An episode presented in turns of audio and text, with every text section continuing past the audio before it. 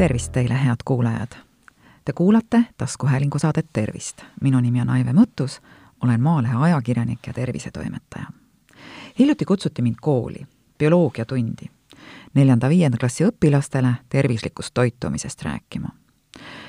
mõtlen tunnis keskenduda suhkrut sisalduvatele karastusjookidele ning seda ette valmistades leidsin, et miks mitte rääkida samast teemast ka saates toredalt palju teaduspõhist materjali on selle teema kohta saadaval Tervise Arengu Instituudi toitumisteemalisel veebilehel toitumine.ee. aga hakkame siis otsast peale. kas suhkrut peab kartma ning kas sellest on võimalik sõltuvusse jääda? kohe alguseks olgu öeldud, et suhkruid, neid on mitut liiki, ei tasu karta. vastupidi, enda ja oma pere tervise huvides tasub nende toimega kursis olla. mõisted suhkrud ei võrdu mõistega süsivesikud. süsivesikud on lai üldtermin, millest üks osa on suhkrud. süsivesikute hulka kuuluvad näiteks tärklis, glükogeen ja enamik jõudainetest.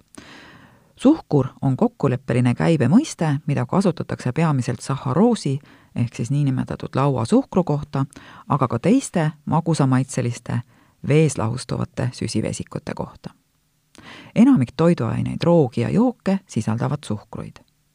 mõned toidud sisaldavad suhkruid looduslikult, näiteks sahharoos, glükoos, fruktoos, laktoos, maltoos.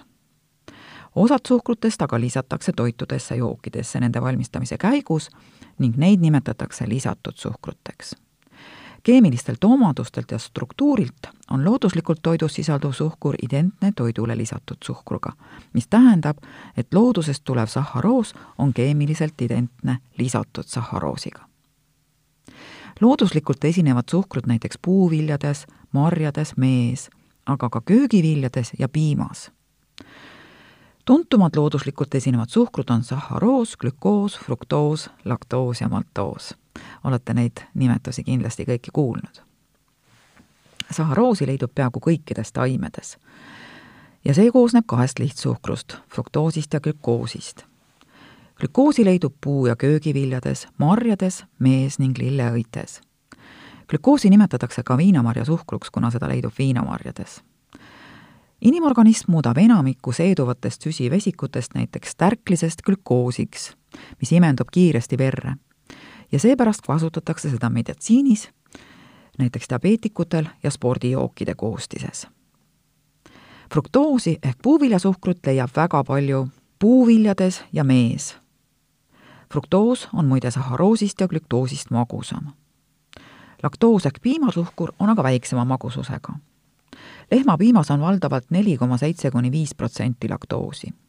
piima hapendamisel käärib laktoos osaliselt piimhappeks, mistõttu hapendatud piimatoodetes on laktoosi kolm kuni neli koma viis protsenti.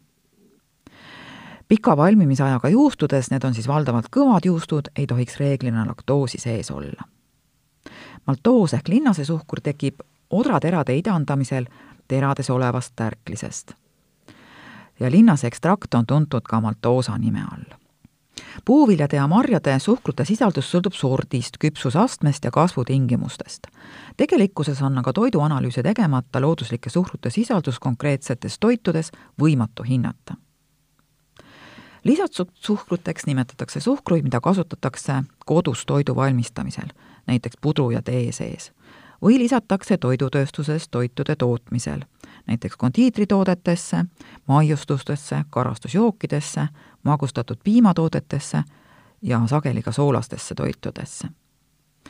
kodus toitu valmistades kasutatakse peamiselt tavalist rafineeritud suhkrut nagu sahharoos, aga ka fruktoosi, glükoosi, tärklise hüdrolisaate. toidutööstuses siis viimaseid just eriti näiteks glükoosisiirupit ja kõrge fruktoosisisaldusega siirupit poest on võimalik osta mitut liiki suhkruid, millest enamik on saadud toor roosuhkru töötlemisel eri viisidel. ja suhkru värvusest ei maksa end eksitada lasta. tervise seisukohalt ei ole vahet, millist suhkrut, kas valget või toorsuhkrut või mõnda muud suhkrut poest osta, sest nende toiduaineline koostis ja mõju inimese organismile on praktiliselt ühesugune toorroosuhkur ehk rafineerimata suhkur on kõige vähem töödeldud suhkur suhkruroost pressitakse välja mahl, mida keedetakse, kuni vesi on aurustanud ja lõpuks tekivad pruunid kristallid. tänu sellele on pruuni värvuse saanud suhkrus säilinud veidi, inim-, inimorganismi seisukohast siiski tühises koguses vitamiine ja mineraale. toorsuhkur ehk osaliselt rafineeritud suhkur on suhkru tootmise vaheprodukt, mida ei ole spetsiaalselt edasi töödeldud sahharoosi tootmisel suhkruroost suhkruroo esmalt pestakse, purustatakse ja jahvatatakse, mille tulemusena eladub roostsuhkrumahl. suhkrupeedi puhul suhkrupeedid pestakse, viilutatakse, leotatakse vees, mille tulemusena eraldub suhkur vette ja saadakse suhkrumahl. suhkrumahlale lisatakse kustutatud lupja ja süsinikdioksiidi, mahl kuumutatakse ning tekkinud sade eemaldatakse selitamise ja filtreerimisega. Edasi mahl kontsentreeritakse aurutites, kuni suhkur kristalliseerub. kristallid pestakse ja eemaldatakse metalli, melassist, seda tsentrifuugides ja edasi kristallid kuivatatakse ning pakendatakse ja nii saadaksegi toorsuhkur. valgest suhkrust ehk rafineeritud suhkrust, mida tuntakse ka peensuhkru, lauasuhkru või kristallsuhkru nime all, on puhastamise käigus sisuliselt kõik vitamiinid ja mineraalained eemaldunud. Valge suhkru baasil on näiteks tehtud fariinsuhkur, tarretise suhkur, muusisuhkur, pärlsuhkur, tuhksuhkur, tükisuhkur, vanillisuhkur ja suhkrusiirup valge kristallsuhkru saamiseks saadetakse suhkur edasi rafineerimisele. ja rafineerimise eesmärk on eemaldada suhkrusse jäänud lisandid. Selleks suhkrukristallid sulatatakse ehk siis lahustatakse ja värv eemaldatakse erinevatel viisidel. üheks võimaluseks on töödelda suhkrulahust kustutatud lubja ja süsinikdioksiidiga, millele järgneb aktiivsöega filtreerimine. värvi võib eemaldada ka ioonvahetuskolonnides samuti võib suhkrulahust töödelda vääveldioksiidiga, mille tulemusena tekib veega reaktsioonil väävlishape, millel on pleegitav toime. Seda protsessi kasutatakse muide vahel ka toorsuhkru tootmisel. edasi järgneb suhkrulahuse kontsentreerimine, kristalliseerumine ja kristallide eemaldamine ja pesemine tsentrifuugimisel. ning siis taas kristallid kuivatatakse ja pakendatakse fariinsuhkur on saadud valge suhkru tootmisjäägist, millele on lisatud melassi, mis muudab suhkru pruuniks. Fariinsuhkur on värvuselt tumepruun ja konsistentsilt niisugune veidi niiske, maitselt mõrkjas karamelline. suhkrute asemel kasutatakse tihti ka erinevaid siirupeid ja ekslikult arvatakse, et osad neist siirupitest või vähem töödeldud suhkrud sisaldavad palju vitamiine ja mineraalaineid tegelikult ei sisaldu neis enamikku vitamiinidest üldse ning vaid mõnes üksikus siirupis võib leiduda vähesel määral näiteks kaaliumi. Teiste mineraalinete sisaldus on aga tühine. oluline on teada, et lisatud suhkrut ei tohiks ületada kümme protsenti soovituslikust energiast ideaalis võiks see olla alla viie protsendi. kui inimese päevane energiavajadus on kaks tuhat kilokalorit, peaks tema menüüs olema süsivesikuid kakssada viiskümmend kuni kolmsada grammi. seejuures peaks lisatud suhkrute kogus kõikides toitudes jääma alla viiekümne grammi päevas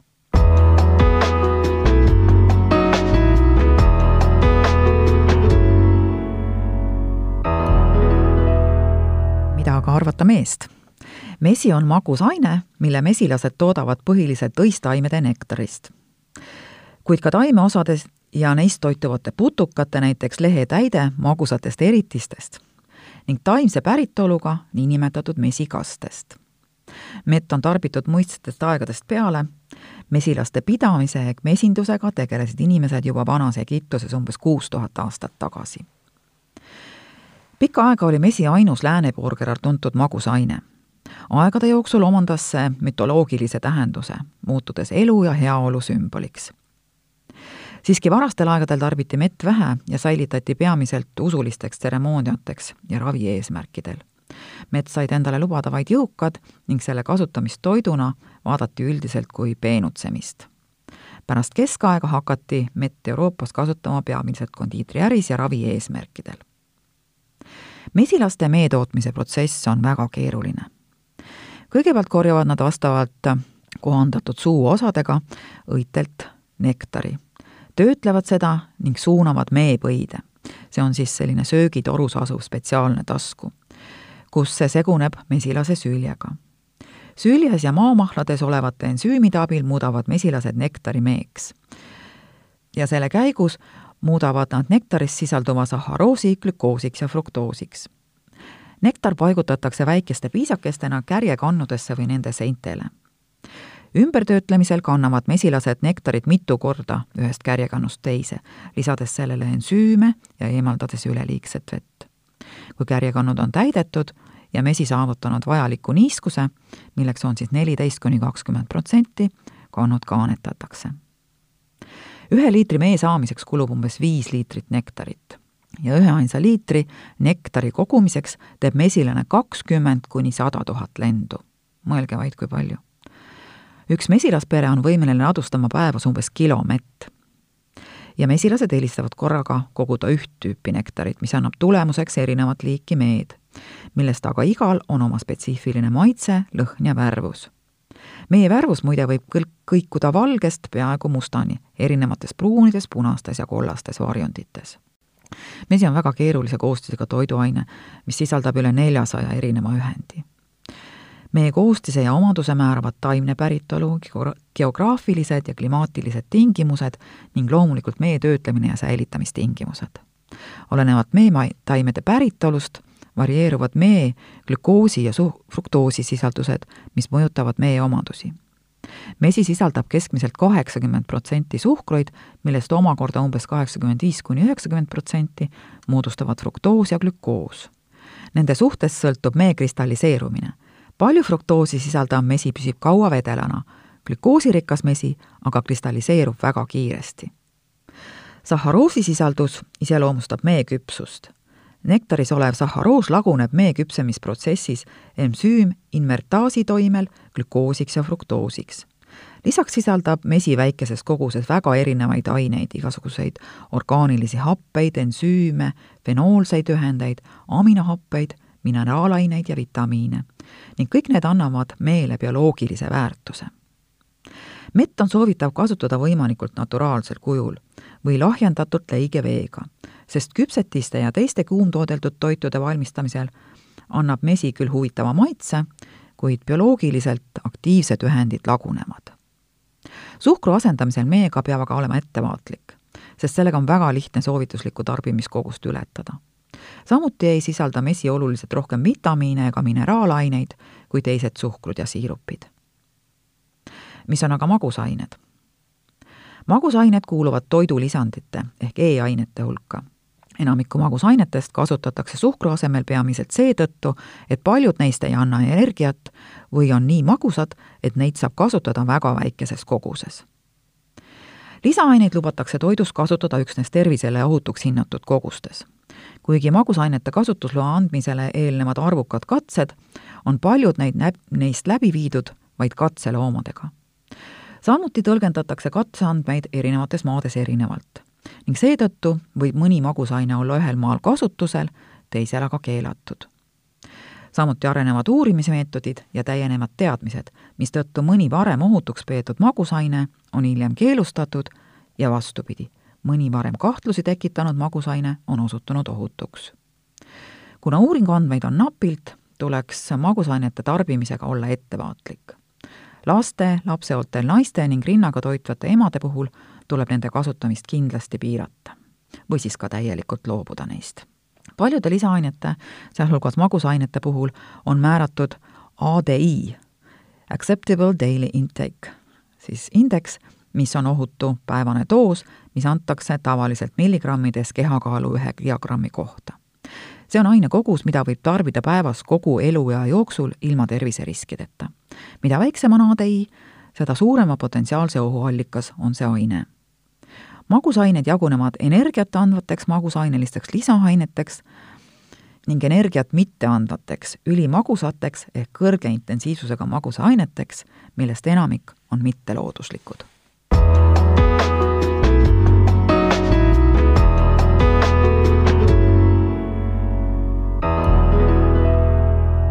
kuidas on aga seotud suhkrut ja tervis? Inimestega tehtud lühiajalised uuringud on näidanud, et suure rafineeritud suhkru koguse suurema kui kakskümmend protsenti energiast sahharoosi või viis protsenti energiast fruktoosi mõjul triiglütseriidide tase äh, veres suurenes. uuringud on, on näidanud ka seost lisatud suhkruga jookide liigtarbimise ja vere kolesterooli taseme tõusu vahel. Erinevate uuringute tulemustest võib järeldada, et sagedase lisatud suhkruga jookide tarbimisel võib olla probleemne toime vererõhule. ning lisatud suhkruga jookide suures hulgas tarbimine võib tõsta ka teist tüüpi diabeediriski süsivesikute või eraldiseisvalt erinevate suhkrute tarbimist käsitlevate uuringute tulemused on olnud vastuolulised, kuid arvestada tuleb asjaoluga, et puu- ja köögiviljades olevate suhkrute toime erineb rafineeritud ning lisatud suhkrute, eriti kõrge lisatud suhkrusisaldusega jookide toimest. uuringud näitavad, et vähendatud suhkru tarbimine seostub täiskasvanutel mõõduka kehamassi langusega ja suurenenud suhkru tarbimine seostub samas skaalas kaalu tõusuga lastesüstismaga uuringute põhjal võib öelda, et rohke lisatud suhkruga jookide tarbimine on seotud suurenenud rasvumise riskiga, mis tuleneb aga peamiselt liigselt saadud energiakogusest. fruktoosi tarbimist on seostatud kaalutõusu ja insuliini resistentsusega. sellel on küll madal glükeemiline indeks, kuid erinevalt glükoosist muudetakse fruktoos maksas eelistatult rasvadeks inimestega sekkumisuuringute metaanalüüsid pole leidnud mingit tõendust, et fruktoos põhjustab kaalutõusu, kui ta asendab dieedis samas energia hulgas teisi süsivesikuid. täiendava energiana tarbitud vaba fruktoosi suur kogus seondub kaalutõusuga tagasihoidlikult. eelnevast võib veel kord esile tuua seda, et tuleb piirata rafineeritud suhkrute tarbimist ning nende lisamist toidusse. samuti tuleks hoiduda suure koguse fruktoosi kestvast tarbimisest uuringud rasedatega on näidanud, et lisatud suhkruga jookide liigne tarbimine on seotud ebasoodsa toimega rasedusele. kunstlike magusainetega jookide tarbimine raseduse ajal võib aga viia enneaegse sünnituseni. hambakaaries kujuneb välja hambakudede demineraliseerumisest, mille põhjustab suuõnd koloniseerivate bakterite poolt süsivesikute fermenteerimisest tingitud pH taseme langus. seega on hambakaaries nakkushaigus mille tekkes mängivad rolli sahharoos ja teised kergesti fermenteeruvad mono- ja diisahariidid. tärkliserikkad toidud aitavad samuti kaasa kaariese tekkele ning sahharoosi juuresolek suurendab tärklise kaariest tekitavat potentsiaali. samas on happeproduktsioon laktoosist enamjaolt madal fluoori profülaktiline kasutamine ja korrektne suuhügieen on tegurid, mis muudavad suhkru tarbimise mõju kaariase tekke seisukohalt ei saa seega ette anda üldist ohutut rafineeritud suhkrute tarbimise määra, kuna kaariase teket mõjutavad suhkrute tarbimise kõrval ka elustiili faktorid, näiteks fluori kasutamine hambapastas siis, söömissagedus, toidu koostis ja muu. aga ka pärilikkus, haigused, ravimite tarbimine, alatoitumus, süljekogus ja koostis kokkuvõtvalt võib öelda, et suhkru tarbimise sagedus on seotud kaariase tekkega mõõdukalt, kusjuures oluline on korrelatsioon tarbimissageduse ja tarbitavate koguste vahel.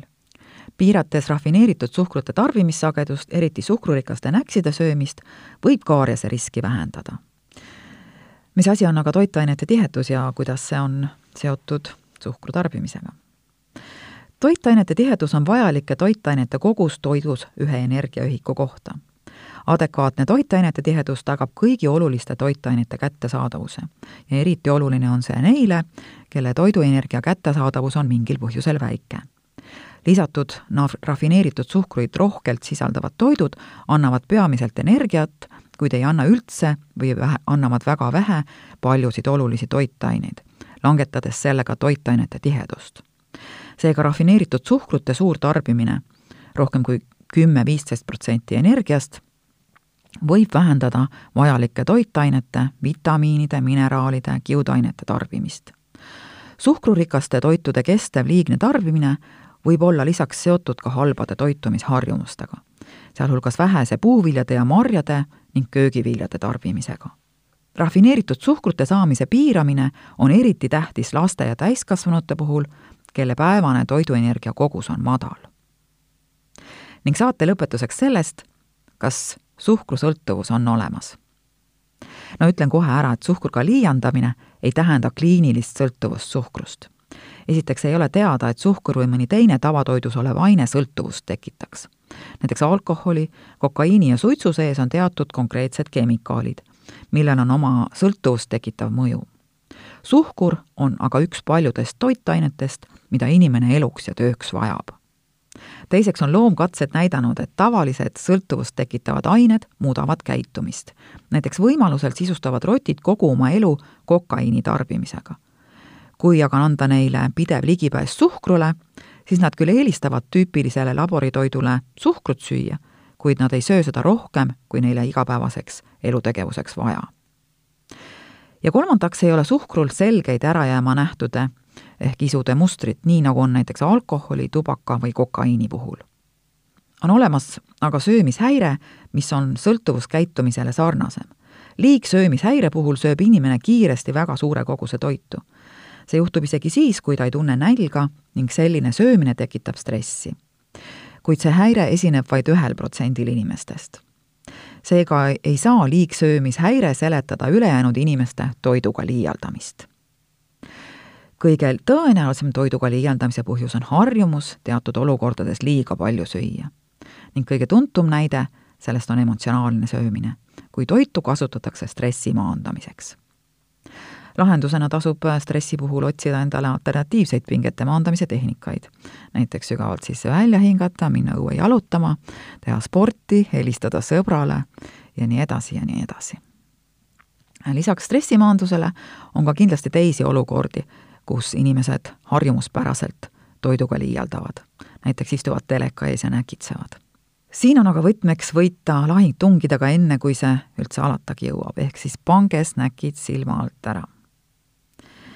ja sama oluline kui suhkru ja maiustuste silma alt ärapanemine, on ka endale tervislikumate alternatiivide pakkumine tungide ohjamise raskus võib tekitada lootusetuse tunnet, kuid õnneks pole tegu veel päris kliinilise sõltuvusega oma tungide üle saab kontrolli tagasi kasutades lihtsaid nippe, muuta harjumusi ja keskkonda ümber kujundada.